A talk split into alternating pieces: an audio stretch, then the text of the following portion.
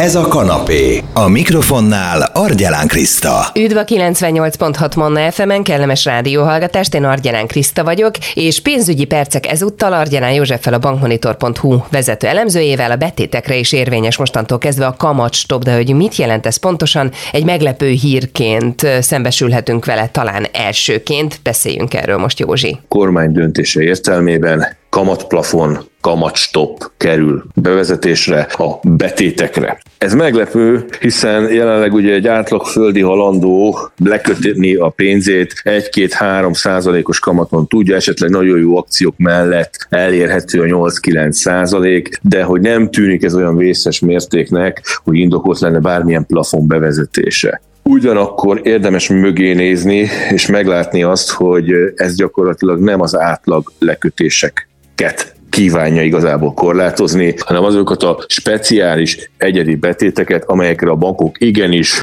kínálnak két számjegyű kamatokat is. De miről is van szó pontosan a kamatstop tekintetében? Gyakorlatilag a megjelent rendelet értelmében nem lehet a betéti kamat magasabb, mint a három hónapos futamidejű diszkont kincstárjegy aukciós átlaghoza. Tudni kell, hogy gyakorlatilag időről időre az államadóságkezelő központ publikálja az aukciós hozamokat, és gyakorlatilag mindig a három hónapos diszkontkincstárja legutóbbi aukciós átlaghozamát nem haladhatja meg egy betét kamata. Mekkora kamatról beszélünk, amit ugye nem lehet meghaladni mostantól? Most tudni kell, hogy a legutóbbi aukciónak az átlagozama 12,79% volt, tehát hogy ez tekinthető betéti kamatplafonnak. Már ebből a 12,79%-ból is láthatjuk, hogy valóban nem egy átlagos lakossági ügyfélnek szól ez a korlát, hiszen ő jelenleg nem is érhet el ilyen magas kamatszintet egy normál betétlekötés során. Éppen ezért nem csak a kamatplafont határozták meg, hanem azt is, hogy mely ügyfelekre érvényes ez a kamat maximum. Akkor nézzük, hogy kikre vonatkozik ez a plafon. Az intézményi befektetőkre mindenképpen érvényes, Ilyenek például a pénztárak, nyugdíjpénztárak, lakástakarékpénztárak, befektetési alapkezelők, befektetési szolgáltatók, árutősdei szolgáltatók, tehát kifejezetten az ilyen klasszikus nagy pénzpiaci szereplők, mondjuk így, illetve azok a magánszemélyek, lakossági ügyfelek, akiknek a lekötése eléri a 20 millió forintot. Tehát hogy gyakorlatilag a nagy összegű lakossági lekötésekre is érvényes ez a korlátozás, ugyanis ezeket a speciális, egyedi banki ügyleteket, nem csak az intézmények, hanem a bank, jellemzően private banking kategóriába tartozó kiemelt lakossági ügyfele is kihasználhatták. Tehát a korlátozás nem is érvényes minden úgymond ügyfélre. Mi a helyzet a futamidővel ezeknél a lekötéseknél? A futamidő tekintetében sem általános kvázi ez a plafon. A legfeljebb egyéves futamidejű betétek esetében vezették be ezt a plafont, vagyis ha valaki mondjuk 3-4-5 évre köti le a pénzét, és éves szinten meghaladná a kamat ezt a 12,79 ot akkor ez nincs probléma, ez egy elfogadható betétlekötés lenne. Ugyanakkor ki kell hangsúlyozni, hogy nem csak a lekötött összegre, hanem a bankszámlán tartott látra szóló egyenlegre is érvényes ez a korlátozás, tehát kvázi olyan mondjuk úgy takarékszámla konstrukciók, ahol szabadon van a pénz, szabad hozzáféréssel, ezekre sem lehet a korlátnál magasabb kamatot megállapítani.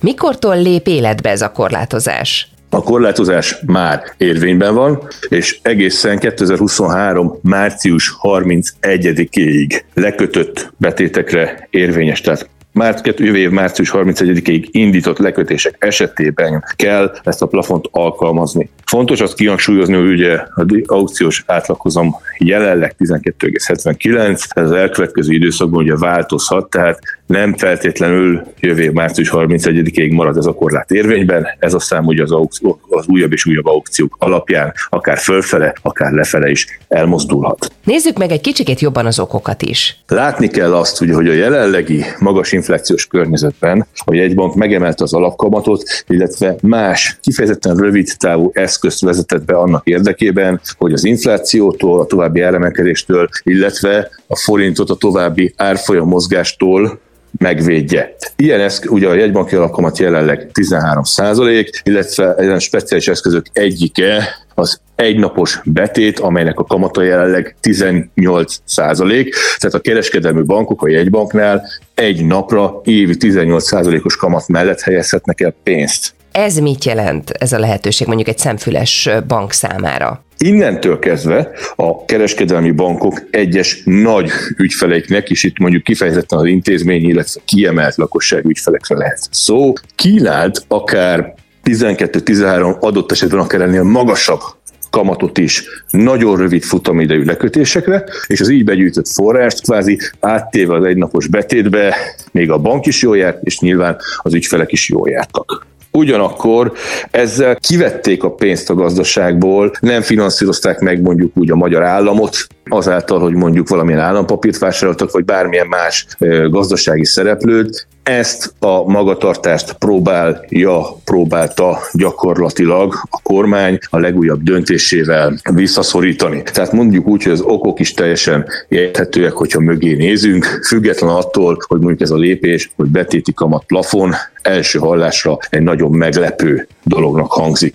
Ki kell hangsúlyozni, hogy egy normál lakossági ügyfél nagyon nagy eséllyel nem fog semmilyen változást érzékelni a bankoknál betétlekötéseinél, hiszen az ő, betéti, ő által elérhető betéti kamat messze elmaradt ettől a plafontól, és éppen ezért nem is fog változni semmilyen gyakorlat az elkövetkező időszakban. Még azt mindenképpen ki kell hangsúlyozni, hogy a változás az új lekötésekre érvényes, tehát a korábban a plafon fölött megkötött szerződések esetében a kamat kifizetésre fog kerülni. Mire számíthatnak a normál befektetők, akik nem ilyen óriási összegeket kötnének le? Tehát mondjuk a mi befektetésünkkel mi lesz, mi várható a közeljövőben? Tehát, mint említettem, ugye egy normál lakossági ügyfél ez a plafon jó esélye nem lesz hatással. Ettől függetlenül ugye a jelenlegi gazdasági folyamatok, pénzpiaci környezet bizony a betéti kamatokra is hatással lehet. Ugye a megemelkedő kamatkörnyezet már érdemben elkezdte emelni a hitelkamatokat, a betéti kamatok azonban jelenleg még messze elmaradva kullognak az emelkedés útján, de már ki kell hangsúlyozni, hogy vannak pozitív irányok is, például a Cetelem Banknak a takarék számláján elhelyezett összegre gyakorlatilag 9%-os kamat már elérhető, tehát igen, van fény az alagút végén, jó eséllyel ha a piaci környezet nem változik meg drasztikusan és gyorsan, akkor a betéti kamatok is érdemben el fognak emelkedni, meg fognak emelkedni erről az 1-2 százalékos szintről, azért elindulnak majd az 5-6 adott esetben talán még ennél magasabb szintek felé. Fontos kihangsúlyozni, hogy ez a folyamat azonban sajnos tényleg lassabb, mint a hitelkamatok emelkedése, illetve természetesen ez attól is függ, hogy a jövőben a gazdasági kilátások hogyan alakulnak. Nagyon szépen köszönöm Argyanál Józsefnek, a bankmonitor.hu vezető elemzőjével beszéltük át azt, hogy mit is jelent, meg kiknek jelent esetleg problémát a most bevezetett betéti kamatstop. Lehet visszahallgatni ezt a beszélgetésünket is podcast formájában, akár itunes akár Spotify-on érdemes keresni. Manna, ez a kanapé, Argyelán Krisztával. FM.